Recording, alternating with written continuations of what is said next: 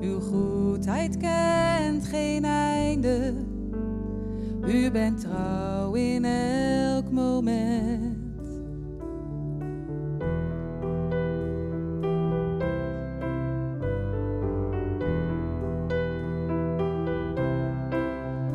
U voorziet in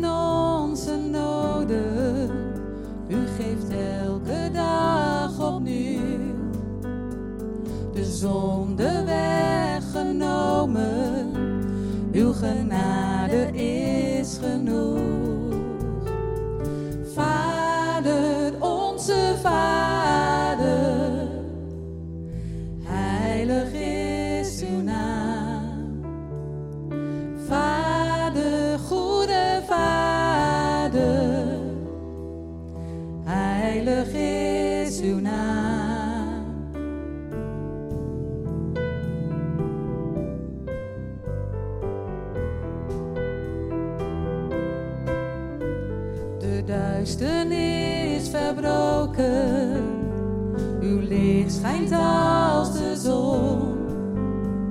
U opende mijn ogen, Vader, voor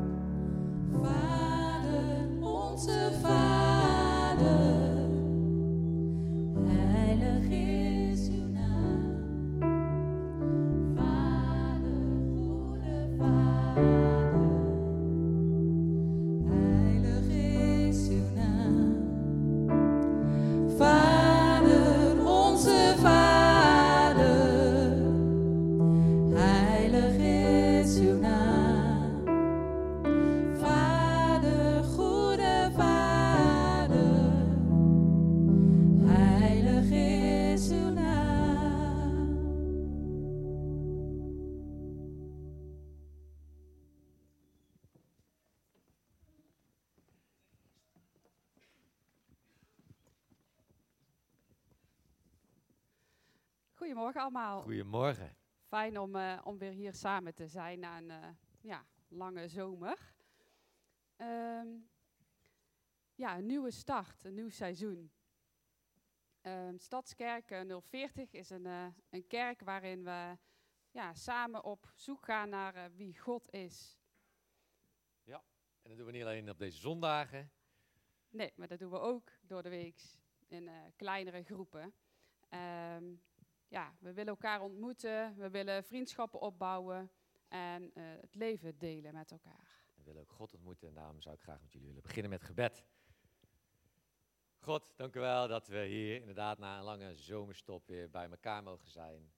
En we willen vragen uw zegen over deze dienst. Wilt u ons ook focus geven dat we misschien door alle muziek heen, alle herrie, hoe u gekomen zijn, dat we ons kunnen focussen zodat we u mogen ontmoeten deze ochtend. Dat we van u mogen leren en samen mogen zien. Dat bid ik in uw naam. Amen. Vandaag eh, gaan we starten met een eh, nieuwe preekserie. En vandaag is de titel Met je kater naar de kerk. Yes. Maar voordat we gaan luisteren naar de preek, eh, gaan we eerst even God aanbidden met de band. En daarom wil ik jullie vragen om allemaal te komen staan, dat we vol energie kunnen beginnen. Ja, we mogen weer zingen. Maar voel je vrij om eh, daarna te gaan zitten Ja. waar je je prettig bij voelt.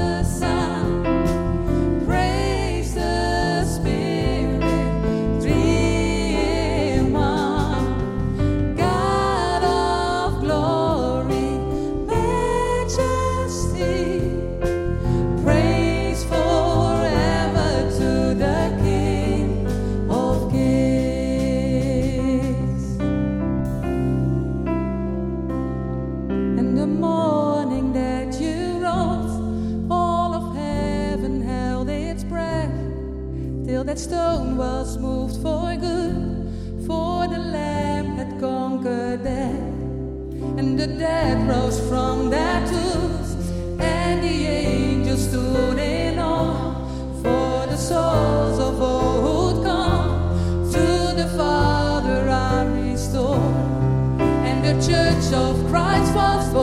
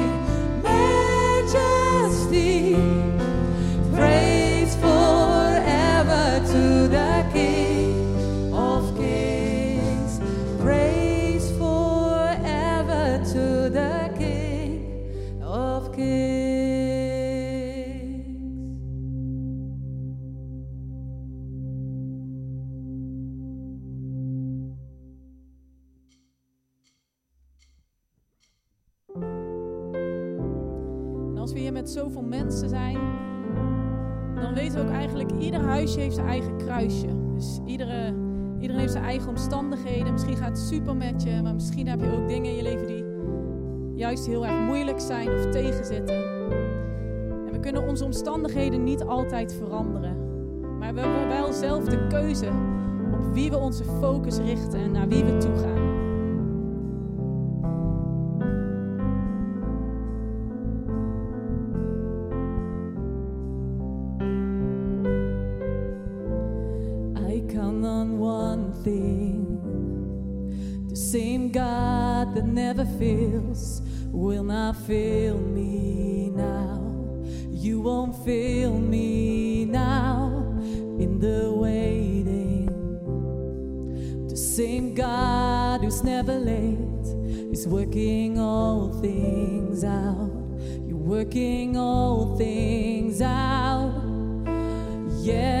I will lift you high in the lowest valley.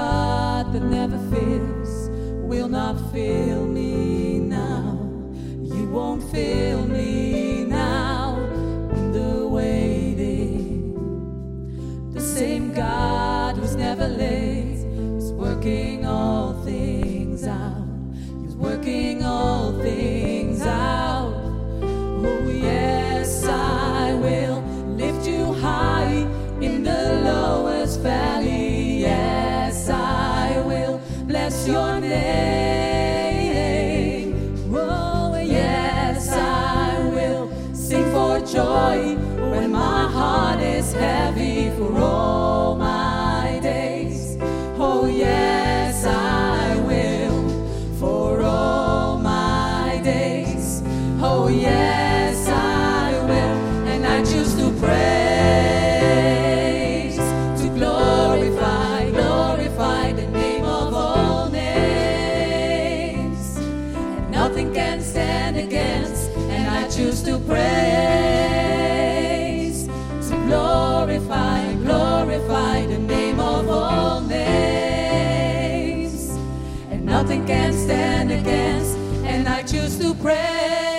praise, to glorify, glorify the name of all names.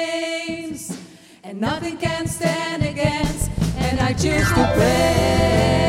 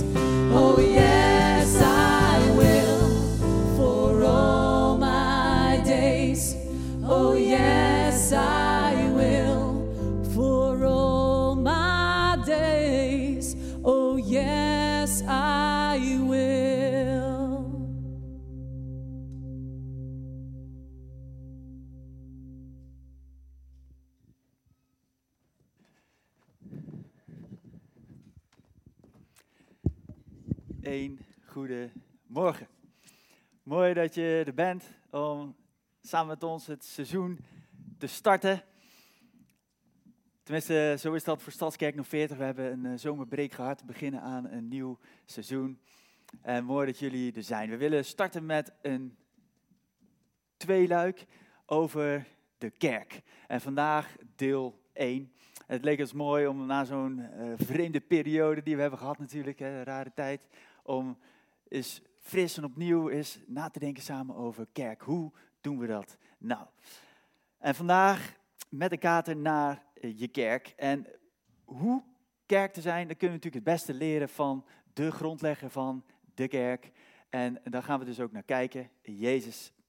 En in het midden van de Bijbel kun je drie van die boek, vier van die boeken vinden die het leven van Jezus beschrijven. En we gaan daar één uitpakken, eh, Johannes 8.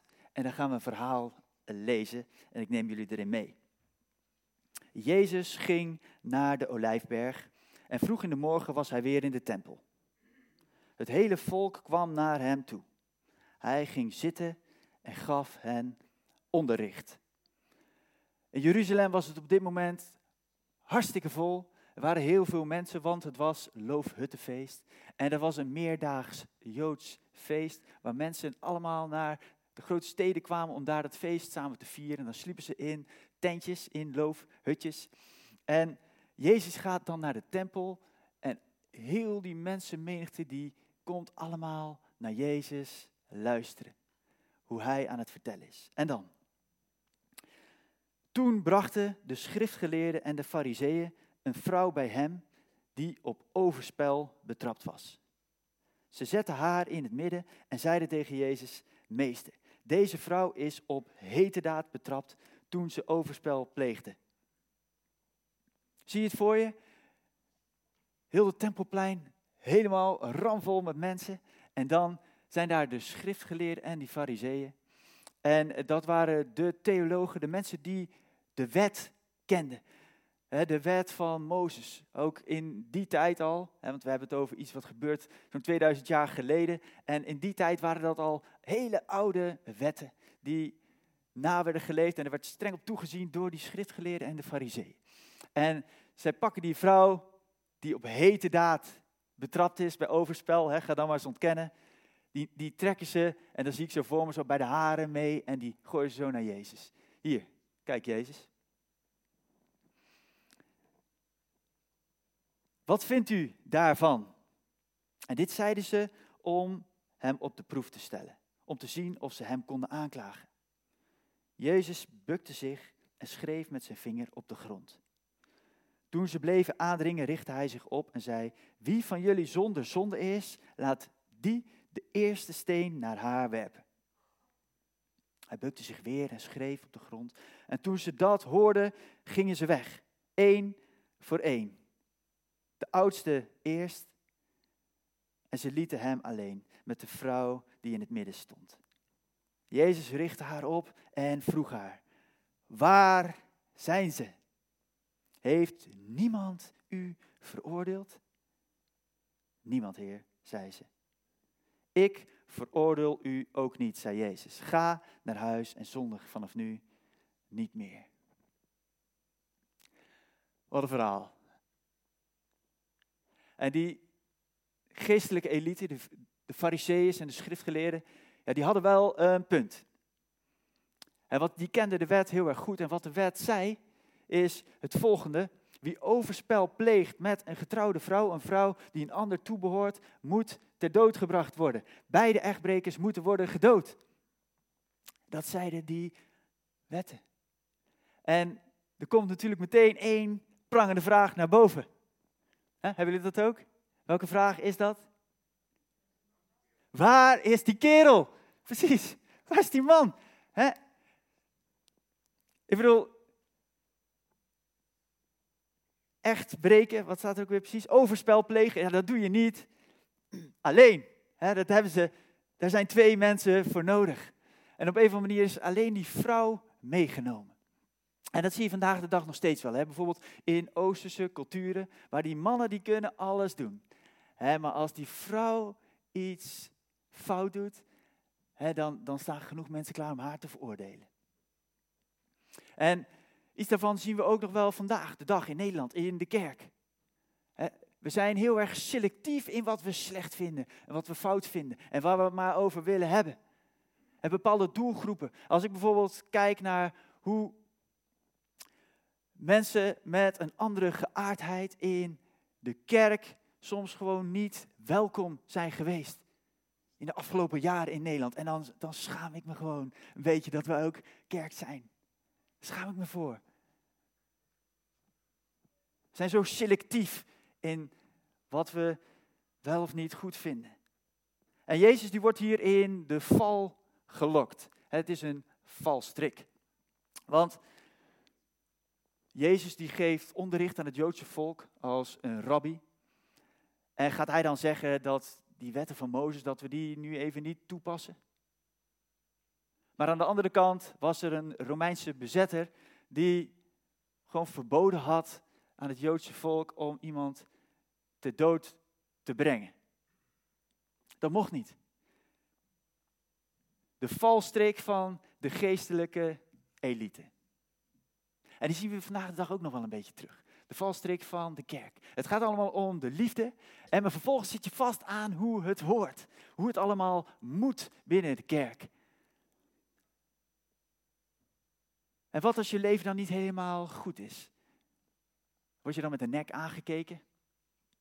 De kerk ademt exclusiviteit. En hoe dat dan komt, mijn, mijn beeld, en misschien mag ik het niet zeggen, ik doe het toch.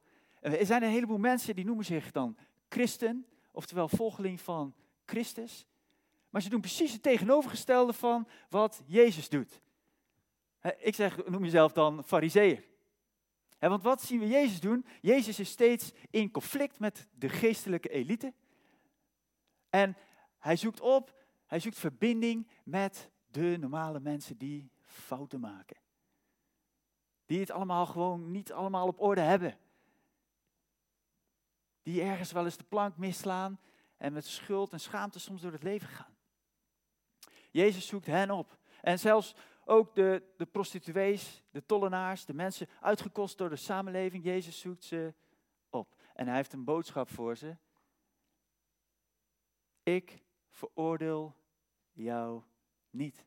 En zoekt Jezus ze niet op, dan worden ze wel naar hem gebracht, zodat hij die vrouw kan vertellen, ik veroordeel jou niet.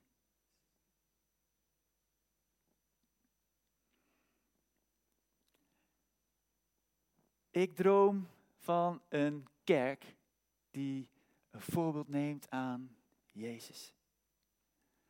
Een kerk voor mensen die niet voldoen aan het perfecte plaatje. Een kerk waar mensen kunnen komen met ook hun tekortkomingen, hun fouten, hun gebreken. En ik heb regelmatig mensen uitgenodigd voor de kerk. Dat eh, doe ik best vaak. En ik heb eens een reactie gehad van, nou, als ik naar de kerk kom, dan slaat de bliksem in. En God wil mij daar niet hebben.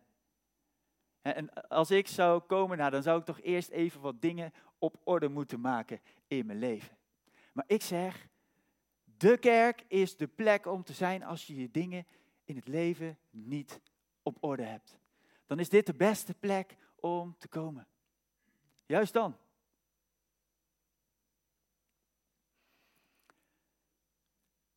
Toen ik 18 jaar oud was, was ik beroepsmilitair. En dat betekende dat uh, door de week uh, sliep ik op de kazerne of ergens in een bos. Was ik hard aan het werk. En in het weekend was ik thuis. Sliep ik thuis en dan was het vooral tijd om feest te vieren. Door de week hard werken, in het weekend feest vieren. Dus ik ging veel stappen. En bij ons thuis was de regel, en dat was eigenlijk een gewoonte waarmee ik opgegroeid ben. Op zondagochtend gaan we naar de kerk. Dus ik ben van jongs af aan christelijk opgevoed en ik wist wel dat God bestond, ook al had het eigenlijk weinig betekenis in mijn leven op dat moment. En die zondagochtend kwam eigenlijk niet zo ideaal uit, want zaterdagavond was de beste stapavond. dus nou ja, dan was het tot vier uur op stap en dan gingen de kroegen dicht en dan gingen we natuurlijk daarna naar de shawarma tent en lekker shawarma eten met knoflooksaus. En met een beetje geluk was ik dan rond een uur of vijf, half zes was ik ochtends was ik thuis. En dan ging ik meteen naar bed. En dan ochtends om negen uur, dan botste mijn vader op de deur. Hij was wijs genoeg om niet binnen te komen, want die lucht daar binnen was niet te harde. En dus ik dan snel douchen en tanden poetsen.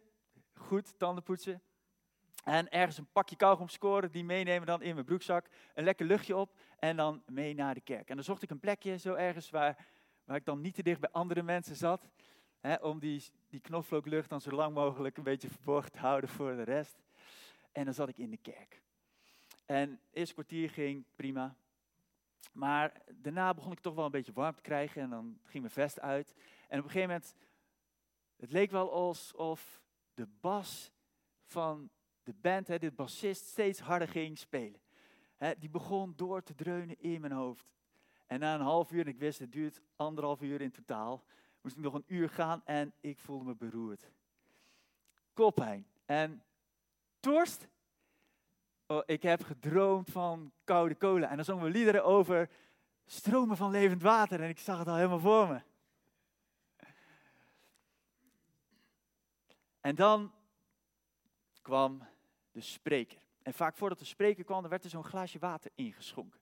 Zo. En dat zag ik dan gebeuren. En dan kwam de spreker het podium op en die nam dan eerst zo'n nipje. En ik dacht, ik moet daar komen staan. Nou, dat is gelukt.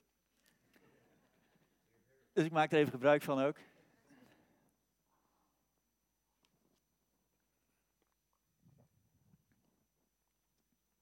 En toch was het daar zijn, in die kerk, op zondagochtend, de plek waar mijn leven veranderde.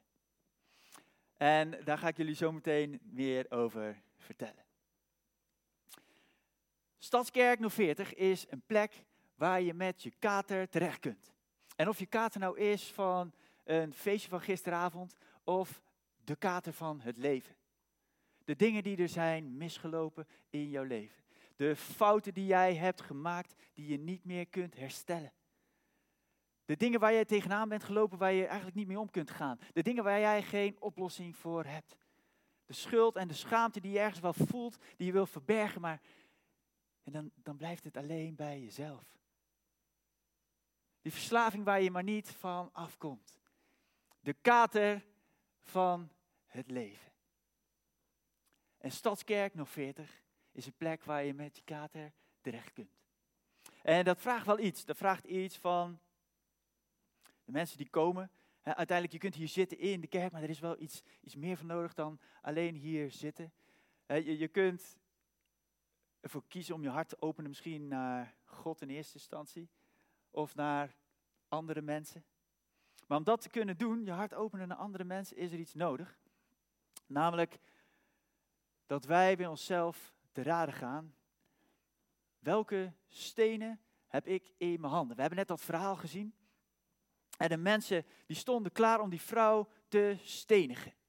En dan zegt Jezus, hè, wie zonder zonde is, die mag de eerste steen werpen. En we zien de mensen menigte afdruipen.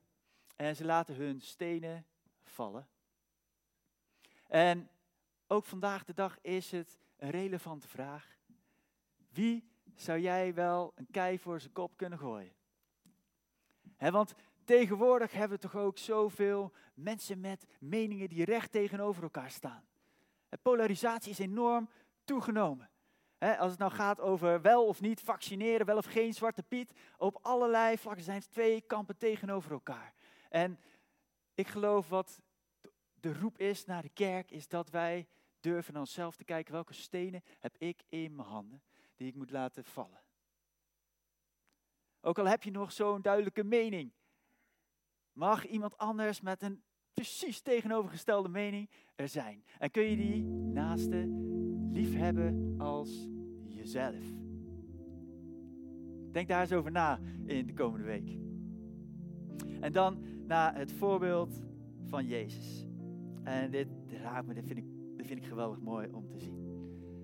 Bij Jezus, die komt te staan voor die vrouw. Al die, man, die mannen, die mensen, die, die druipen af. En Jezus staat daar en ik zie bij Jezus geen vingertje. Hij zegt wel tegen haar, zondig niet meer. je zou het wel zo kunnen interpreteren. He, Jezus die laat heel duidelijk zien, hij, staat niet achter de keuze die die vrouw heeft gemaakt. hij, vindt, hij, vindt het hij keurt het helemaal niet goed. Maar ik, ik zie hier een Jezus die zegt, doe nou wat goed voor je is. Want het gaat me zo aan het hart. En dan hoe Jezus dat doet. Hij laat die vrouw zelf omkijken. Hij zegt tegen haar, Waar zijn ze? Ze moet zelf omkijken. En dan vraagt Jezus, is er dan niemand meer die jou veroordeelt? En ze moet antwoord geven. Niemand. Niemand, Heer. En dan zegt Jezus, de Zoon van God, God zelf, staat tegen deze, tegenover deze vrouw. En hij zegt, ook ik veroordeel jou niet. Deze vrouw heeft een ontmoeting met Jezus, een ontmoeting met God. En dat is de plek waar je leven verandert. Ja, je kunt ook hier naar de kerk komen en dat is dus de eerste stap. Maar vervolgens is er toch ook een ontmoeting nodig. Ontmoeting met andere mensen, maar ook een ontmoeting met God. Want je kunt praten over Jezus of leven met Jezus. En dat is een verschil van dag en nacht. En ik kan het weten, ik was 18 jaar, nog steeds. Een tijdje verder in de tijd, een paar maanden. En ik kwam wel naar de kerk, maar ik miste totaal de essentie. Totdat ik op Stratum Zijnd de mooiste vrouw tegenkwam die ik ooit in een kroeg of bar had gezien. En ik heb wat pogingen gedaan om haar te versieren en had uiteindelijk succes. We kregen verkering. En ik vroeg haar, en zij vroeg mij, sorry, ik moet goed zeggen, zij vroeg mij wel eens naar die kerk. En dat, dat probeerde ik eigenlijk zo lang mogelijk een beetje aan de kant te schuiven. Uh, maar ze was toch wel benieuwd waar ik dan op zondagochtend naartoe ging. Want zij was helemaal niet gewend om naar de kerk te gaan. Uh, dus ik probeerde dat gesprek een beetje te vermijden. Maar voor alle mensen hier die Elle een beetje kennen. Elle wilde mee naar de kerk. Uh, dus de eerstvolgende zondag en wij samen naar de kerk. En dat was denk ik voor het eerst dat ik tijdens de dienst echt heel veel gebeden heb. Laat het alsjeblieft zo snel mogelijk voorbij gaan. En de dienst, de laatste amen was gevallen. En ik, uh, ik probeerde Elle bij de arm mee te trekken. Maar daar was uh, Monique. Die uh, Elle aansprak. Dus gewoon een handje gaf, kennis maakte. En ze raakte in gesprek. En Monique vroeg of ze misschien geïnteresseerd was om mee te gaan naar de Alpha-cursus. De challenge, zoals we het noemen bij Stadskerk 40. Dus onderweg zaten wij in de auto naar huis en Ellen zei, weet je wat, wij gaan die Alpha-cursus doen samen.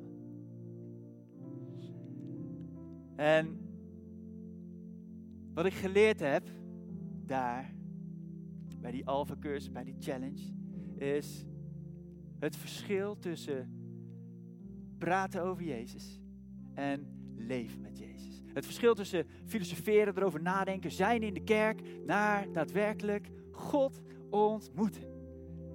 En dat heeft mijn leven totaal onder de boven, ondersteboven gebracht. Heeft me totaal veranderd. Oh, ik ging nog steeds in het weekend lekker stappen. Ik was nog steeds beroepsmilitair. Maar ik had onderwel een ongelooflijk verlangen om met mensen te praten over wat ik had ontdekt. Te praten over God, te praten over de vrede die mijn hart vervulde. Te praten over datgene waar ik eigenlijk heel veel tijd mee bezig was, omdat ik er gewoon zo enthousiast over was. Over dat iedereen overal God kan ontmoeten. En het verlangen om dat te delen hebben vandaag de dag nog steeds. En daarom ook de vraag aan jou vanmorgen. Misschien zit je hier in de kerk, maar durf je ook over te gaan naar de volgende fase. Niet alleen het kennen van Jezus, maar ook het leven met Jezus. Durf jij ook Hem te ontmoeten. En dat kan vandaag, kan hier, straks als we God aanbidden. Dat kan thuis alleen. Die uitnodiging staat niet langer filosoferen, maar God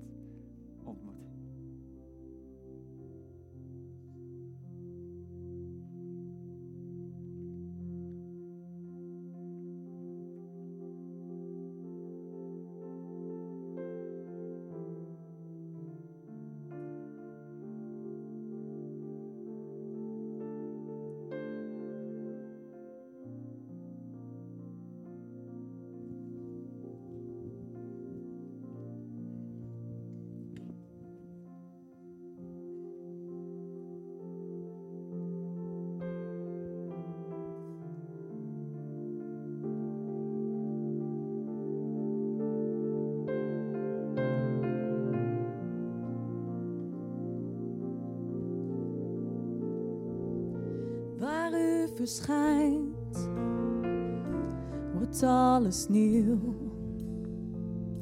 Want u bevrijdt en geeft leven. Elke storm verstilt door de klank van uw stem. Alles buigt voor Koning Jezus.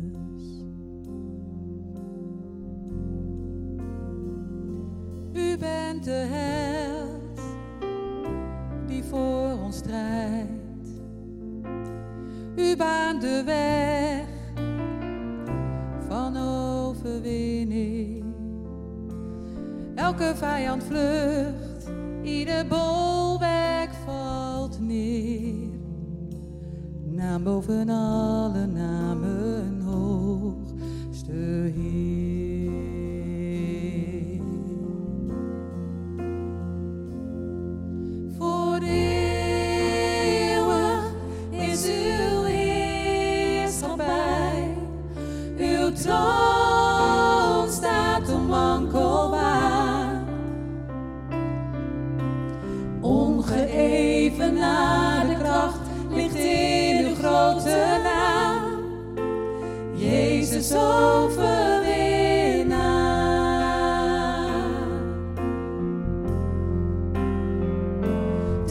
Duisternis ligt op door u.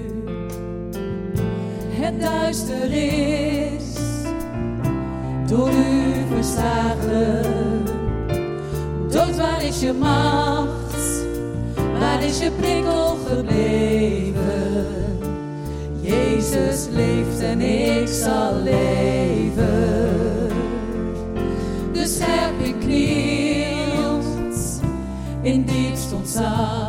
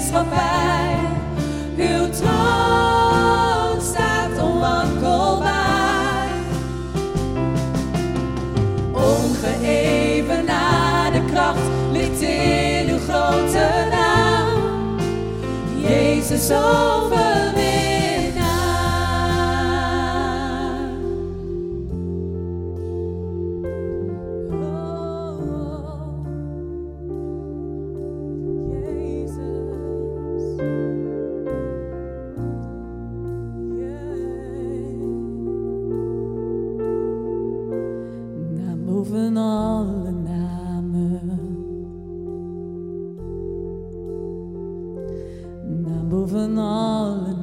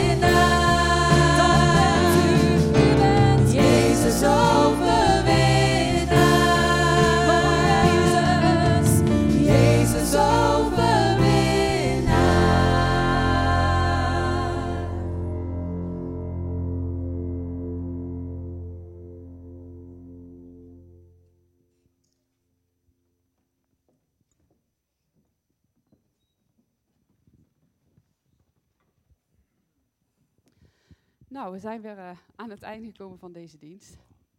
Ehm, nou, we willen graag eh, dat jullie daar even blijven hangen natuurlijk. Yes. Eh, de koffie en thee staat boven dadelijk klaar. Ehm, nou, ben je voor het eerst hier bij Stadskerk 040 en wil je meer informatie, ehm, dat kan. Je kunt zo dadelijk mensen aanspreken die zo'n badge dragen. Maar je zou ook de app kunnen downloaden. Eh, daar kun je met vragen terecht of eh, je kunt gebed aanvragen. Mensen in Stadskerk eh, willen graag voor je bidden. Ja. Ehm, Blijf Wilfred- even. Ja. Oh, sorry. Ja. Wilfred had zo net ook eh, in zijn preek over de challenge. Ehm, ja, ook hiervoor mag je je opgeven. En wil je daar ook meer over te weten komen, dan vraag het gerust of doe het via de website. Heel mooi. Ja, blijf dus even hangen nog graag. We hebben ook wat bijzonders, hè, wat lekkers.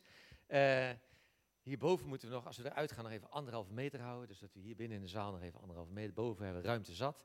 En als we teruggaan, dan moeten we... Een Moet- beetje verder Ja, dan omlopen. moeten we even helemaal hier naartoe lopen. En dan heb je, heb je hier een wenteltrap, daar is een bruiloft, dus daar kunnen we niet uit. Ja, dat klopt. En voor nu eh willen we je bedanken voor je komst. Willen we jullie God zegen toebidden deze week. Heel erg bedankt. En dan eh, tot over twee weken.